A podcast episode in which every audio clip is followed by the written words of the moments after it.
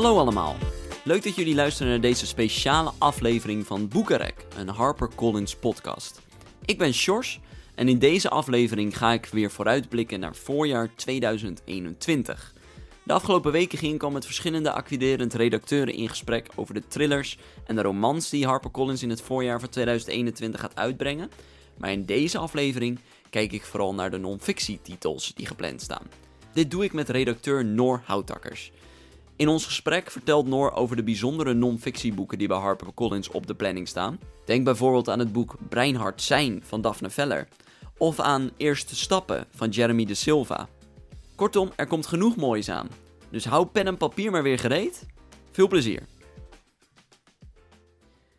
Vandaag gaan we dus uh, vooruitblikken naar het voorjaar van 2021. En dit keer focussen we ons op de non-fictietitels die bij HarperCollins gaan verschijnen. En uh, dit doe ik samen met redacteur Noor Outakkers. Welkom. Dank je. Er staan een paar mooie titels uh, op het programma en ik wil die heel graag even met jou doorspreken. Uh, zo gaan we in januari al heel snel, dat is volgens mij de eerste titel die van dit voorjaar van ons uitkomt, van deze nieuwe aanbieding, gaan we naar, terug in de tijd naar de Tweede Wereldoorlog, namelijk naar de jongen die Auschwitz tekende van Thomas Gieve.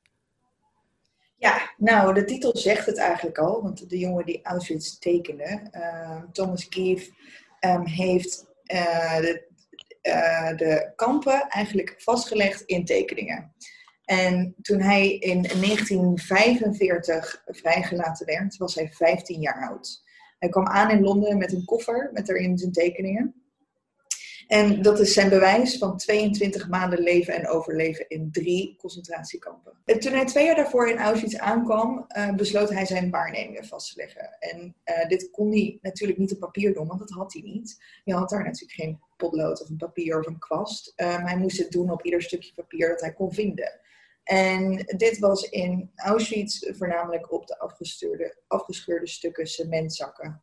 En um, hier tekende hij dus alles wat hij zag. Dat zijn de, um, de appellen van uur tot uur, de routines van de dag, uh, maar ook de rantsoenen tot op de gram. Alles wat er die dag met hem gebeurde, tekende hij op uh, stukjes cementzakken. Deze originele tekeningen zijn helaas niet bewaard gebleven. Um, maar na zijn vrijlating kon hij zich alles nog herinneren en heeft hij dit in 80 tekeningen proberen vast te leggen. Um, hier schreef hij in 1948 een, uh, een verslag bij. Uh, dit is ook eerder uh, uitgegeven um, in 1958 en ook nog later een keer in 1987. Maar in 2019 werd hij benaderd door een, nieuwe, door een journalist die zo onder de indruk was voor zijn, van zijn verhaal en die zei: Dit moet opnieuw uitgegeven worden. Dus dit is uh, de eerste keer dat het echt in een uitgewerkte kleurenversie verschijnt met tekeningen en het verslag um, daarin gecombineerd. En die tekeningen, dat is een, een, hele kinderlijke tekenstijl gemaakt. Maar het is bijna in tegenspraak met de gruwelijke waarheid die de tekeningen en de tekst vertellen natuurlijk. Ja. En dit uh, maakt het uh, echt ongelooflijk heftig en zwaar om te lezen. Ja, want hij, uh, dat is natuurlijk ook bijzonder, want we leven natuurlijk nu in een tijd dat er eigenlijk weinig overlevenden nog zijn uit die tijd, uit de Tweede Wereldoorlog, die dat hebben meegemaakt. Thomas Gieve leeft nog.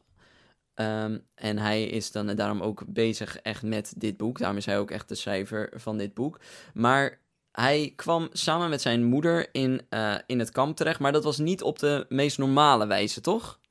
Dat klopt, ja. ja. Zij dachten van, nou, hier is eigenlijk weinig toekomst voor ons. En ze worden, van daar is werk en uh, daar moeten we naartoe. En dus uh, ze hebben zichzelf aangegeven en zijn daarheen gegaan. Maar natuurlijk uh, was het niet wat ze hadden verwacht. En dat is wat in die tijd veel met de Joden gebeurde. Dat, ze, dat werd natuurlijk door propaganda zo verteld dat ze, daar, dat ze daar naartoe moesten, dat ze daar een beter leven konden leiden, niet wetende wat hun eigenlijk te wachten stond. Nee. Nee, en hij wilde natuurlijk ten eerste al die tekeningen bewaren voor zijn vader, want die, die, is niet, die zat niet in het kamp. De, de, dit is dus de eerste keer dat zijn verhaal uh, wordt verbonden met deze tekeningen. Dus wij brengen ook de te originele tekeningen uit. Die zijn op dit moment liggen die in Yad Vashem, in het Holocaust Museum in Jeruzalem. Um, En het komt natuurlijk uit rond de tijd van de Holocaust-herdenking. Ja, precies. Ja, op 27 januari 2021. Dus we brengen dit tegelijkertijd, ook in januari. Ja. Oké, dus dat is een grote. De jongen die Auschwitz tekent. Een heel indrukwekkend verhaal over overleven in de kampen tijdens de Tweede Wereldoorlog. Ook uh, een, een boek waarin ook een andere kant van de kampen dat we al kennen, volgens mij naar voren komt. Met verschillende thema's die nog niet eerder zo vaak aan, bo aan bod zijn gekomen. Um, deze verschijnt in januari 2021 en we gaan nu een, een paar maanden vooruitspringen naar een heel ander soort boek. deze verschijnt in april en dat is het boek Breinhard Zijn van uh, Daphne Veller. Nou, wie is Daphne Veller?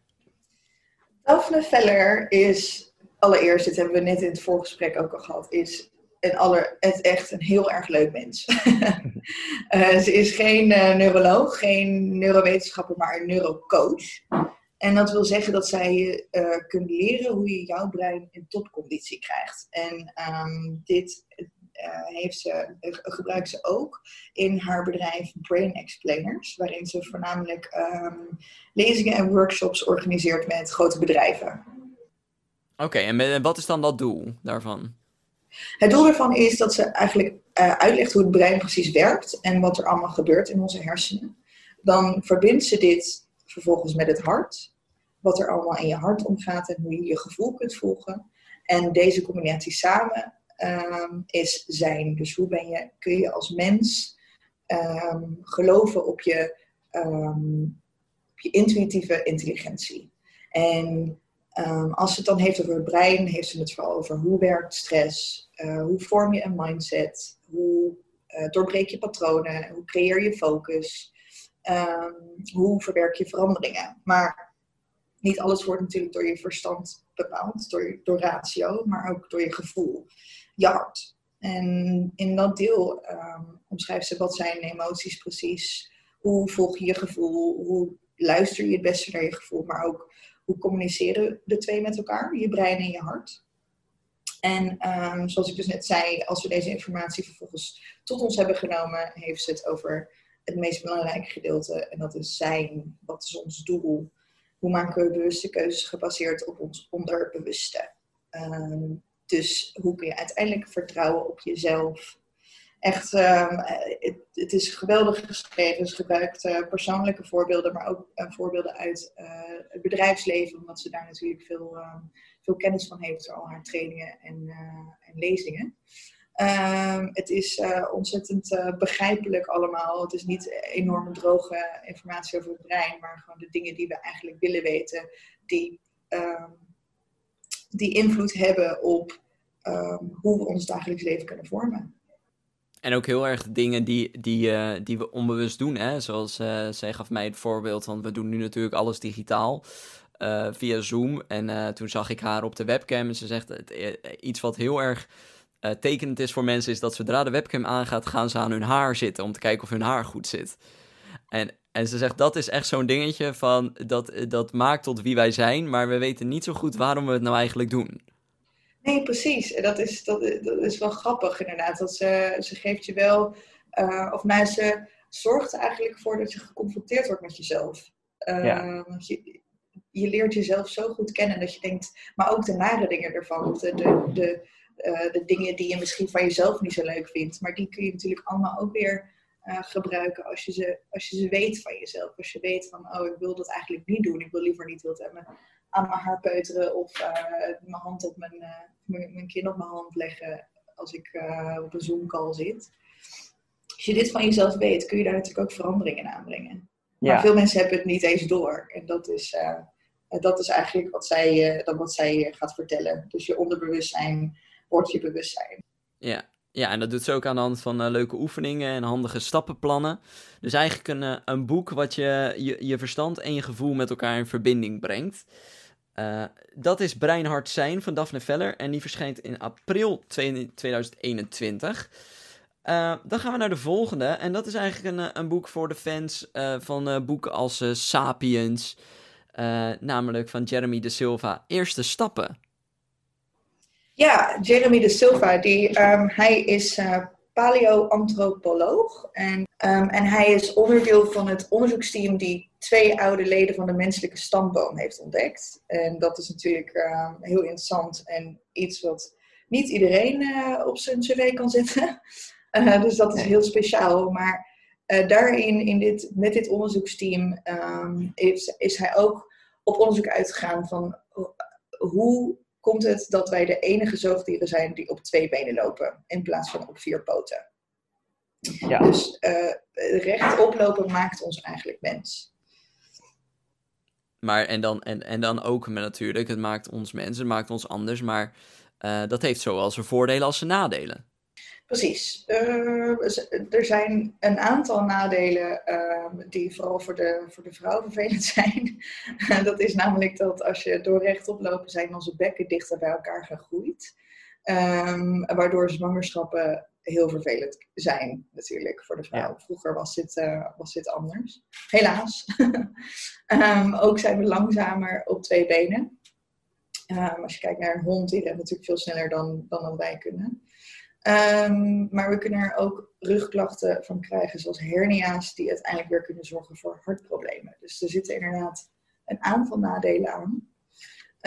Um, maar vroeger um, zaten er ook voordelen, nou nu zitten er natuurlijk ook voordelen aan, maar vroeger, uh, waarom we eigenlijk op twee benen zijn gaan lopen, is om veel redenen. eentje daarvan is, we wilden natuurlijk het land overzien, zodat we onze prooi konden lokaliseren, maar ook uh, dat wij waren natuurlijk ook een prooi, dus dat we zelf kunnen zien um, waar, uh, of, of er een kans bestaat dat we aangevallen worden. Uh, maar ook wilden we graag wapens en gereedschap gebruiken. En dat kan natuurlijk met je handen. Dat kan lastig als je op vier, vier poten staat. En uh, was het ook zo dat we rechtop konden staan in water. Ook erg handig natuurlijk. Ja, ja, dus het is eigenlijk gewoon een, een, een, een, een, eh, een, blik naar hoe wij als mensen uh, zijn geworden zoals we nu zijn, maar ook vooral waarom. Ja, precies.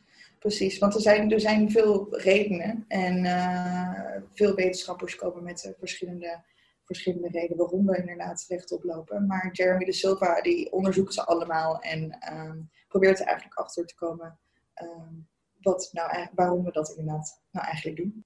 Ja, iets waar we natuurlijk zelf allemaal weinig over nadenken, want ja, we lopen allemaal. Uh, maar, uh, maar op wat je zegt, uh, wat, wat dat eigenlijk betekent in onze evolutie, dat weten we, 9 van de 10 mensen weten dat niet. Dus daarom moeten ze dit boek lezen. Ja, het is ook nog eens, nou ja, net als Sapiens eigenlijk. daarom vergelijken we daarmee. Het is heel laagdrempelig en toegankelijk en ook nog wel eens, ook zelfs grappig geschreven. Um, want hij heeft bijvoorbeeld over nou ja, met twee benen lopen heet um, tweevoetigheid. Maar hij noemt het af en toe gecontroleerd vallen. dus iedere, iedere, keer als we een voet omhoog liften, dan uh, neemt de zwaartekracht het over. En uh, dan vallen we als het ware terug op de grond. Dus uh, hij probeert het op die manier de droge kosten een beetje interessant te maken. Precies, dus niet alleen maar een, een, een zwaar geschiedenisboek, maar gewoon een boek die je een beetje laat kijken naar wat jou nou als mens, mens maakt. En, uh, en met een beetje een lichte toon. En dat is dus uh, Eerste Stappen van Jeremy de Silva. En die verschijnt in mei 2021. Dan gaan we naar een, uh, een boek die. een auteur die vorig jaar ook een boek bij ons uitbracht. Namelijk de wereldbekende Rachel Hollis. Zij verscheen eerst in 2009, 2020 sorry, met Girl Stop Apologizing. Uh, eigenlijk een boek wat uh, vooral een heel vrolijke toon had hè, naar vrouwen toe. Van uh, sta in je eigen recht en doe wat jij wil, laat je dromen uitkomen. maar nu met dit boek, dit zag ik niet aankomen, neemt ze even een andere wending. Ja, er is namelijk niet alleen maatschappelijk veel gebeurd natuurlijk in het afgelopen jaar. Maar ook in het leven van Rachel Hollis is er het een en ander voorgevallen. Um, ze heeft namelijk te verduren met een heftige scheiding. En zoals de titel al zegt, dit zag ze niet aankomen. En zij wil in dit boek eigenlijk mensen ehm, ehm, informeren over de slechte dingen die, die kunnen gebeuren in het leven. Maar dat het niet altijd hoeft te betekenen dat het je leven direct verpest. Um, we kennen haar namelijk ook als een positief, levendig persoon. En ook dit boek is ze weer, uh, wil ze weer overbrengen als een positief en als een positieve, met een positieve insteek. Eh, precies, met een positieve insteek. En um, ze, schrijft, ze omschrijft dus hoe je om kunt gaan met tegenslagen. Hoe kun je leren van je tegenslagen? Um, hoe kun je deze omzetten in groei?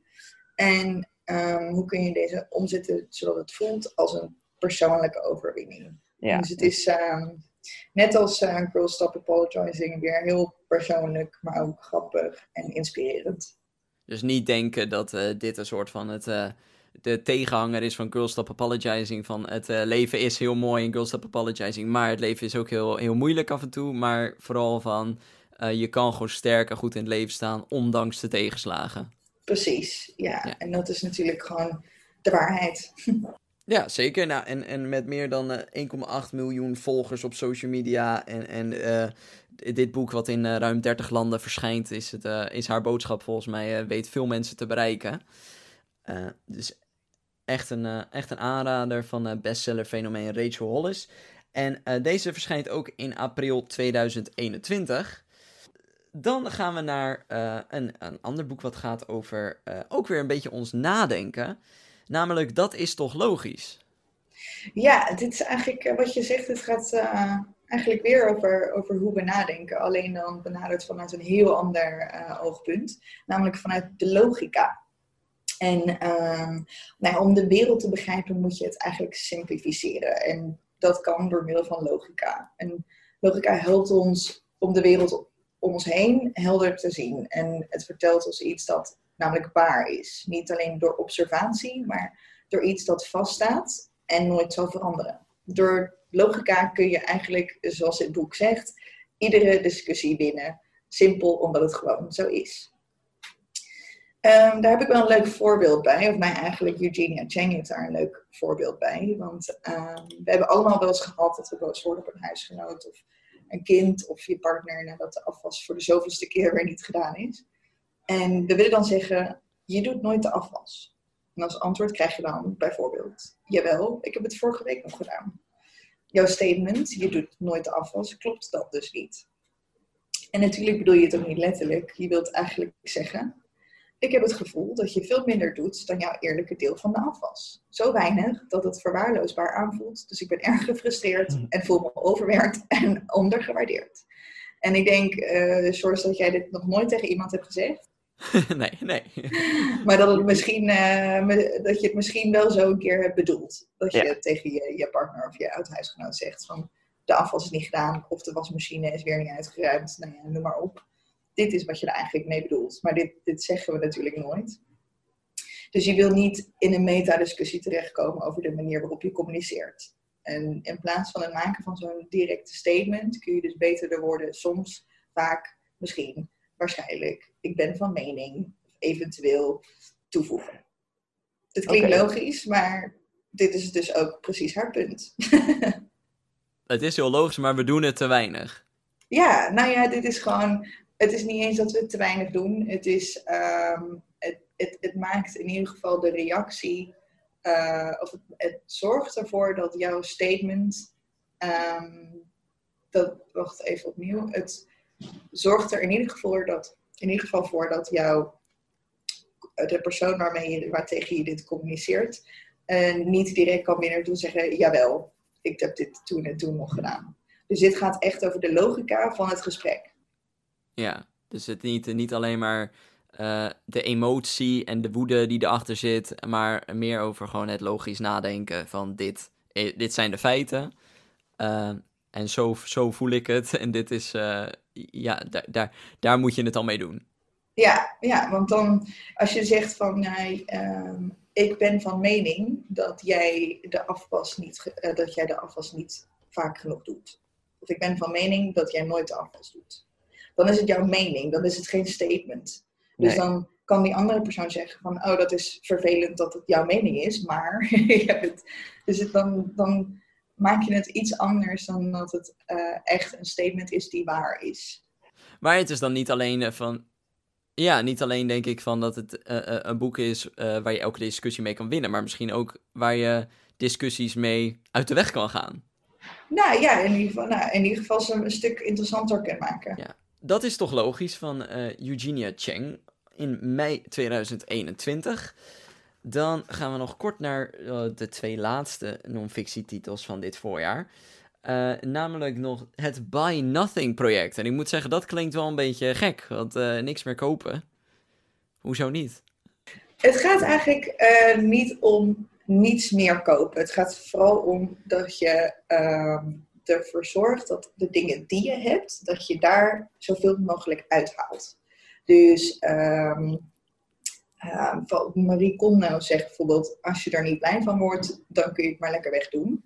En uh, dat is eigenlijk waar zij, waar uh, Clark en Rockefeller het niet mee eens zijn. Zij zeggen nee, houd het, want het komt altijd nog van pas. Je kunt het namelijk herstellen, hergebruiken of uitlenen. En dit, heeft er, dit boek heeft er persoonlijk voor gezorgd dat ik een naaicursus ben gaan doen, bijvoorbeeld.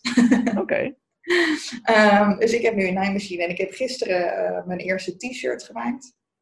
Um, en dat, dat, het heeft me in ieder geval geïnspireerd om de, van de dingen die ik al heb, dus van de stoffen die ik nog had liggen, of van de, van goedkope stof uh, die ik ergens vandaan kan halen, een heel nieuw t-shirt kan maken. En um, dat zeggen ze ook met bijvoorbeeld, uh, nou, heb je ergens een oud t-shirt liggen, maar wil je hem wegdoen, knip het, knip het in stukjes en maak er poetslappen van, bijvoorbeeld.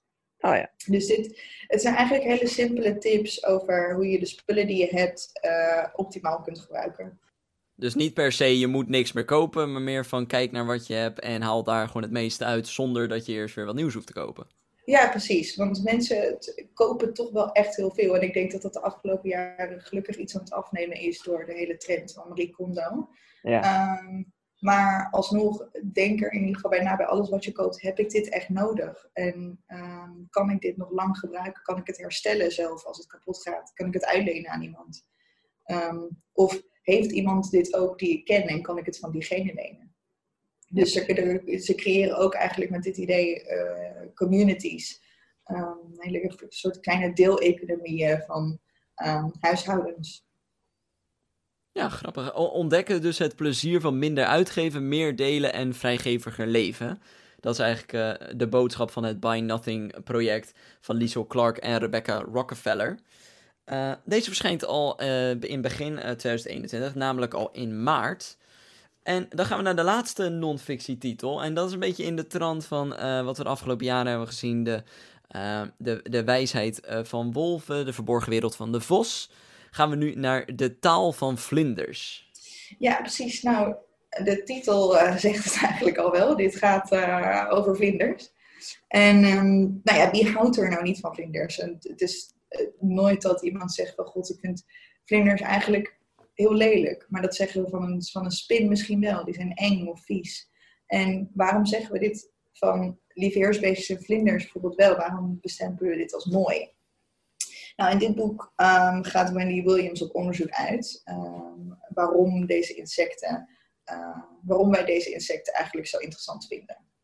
En uh, de ze neemt ons daar mee op een reis rondom de wereld. Uh, want de vlinders bevinden zich niet alleen overal op de wereld, maar ook de wetenschappers. Want deze vindt Wendy eigenlijk net zo interessant.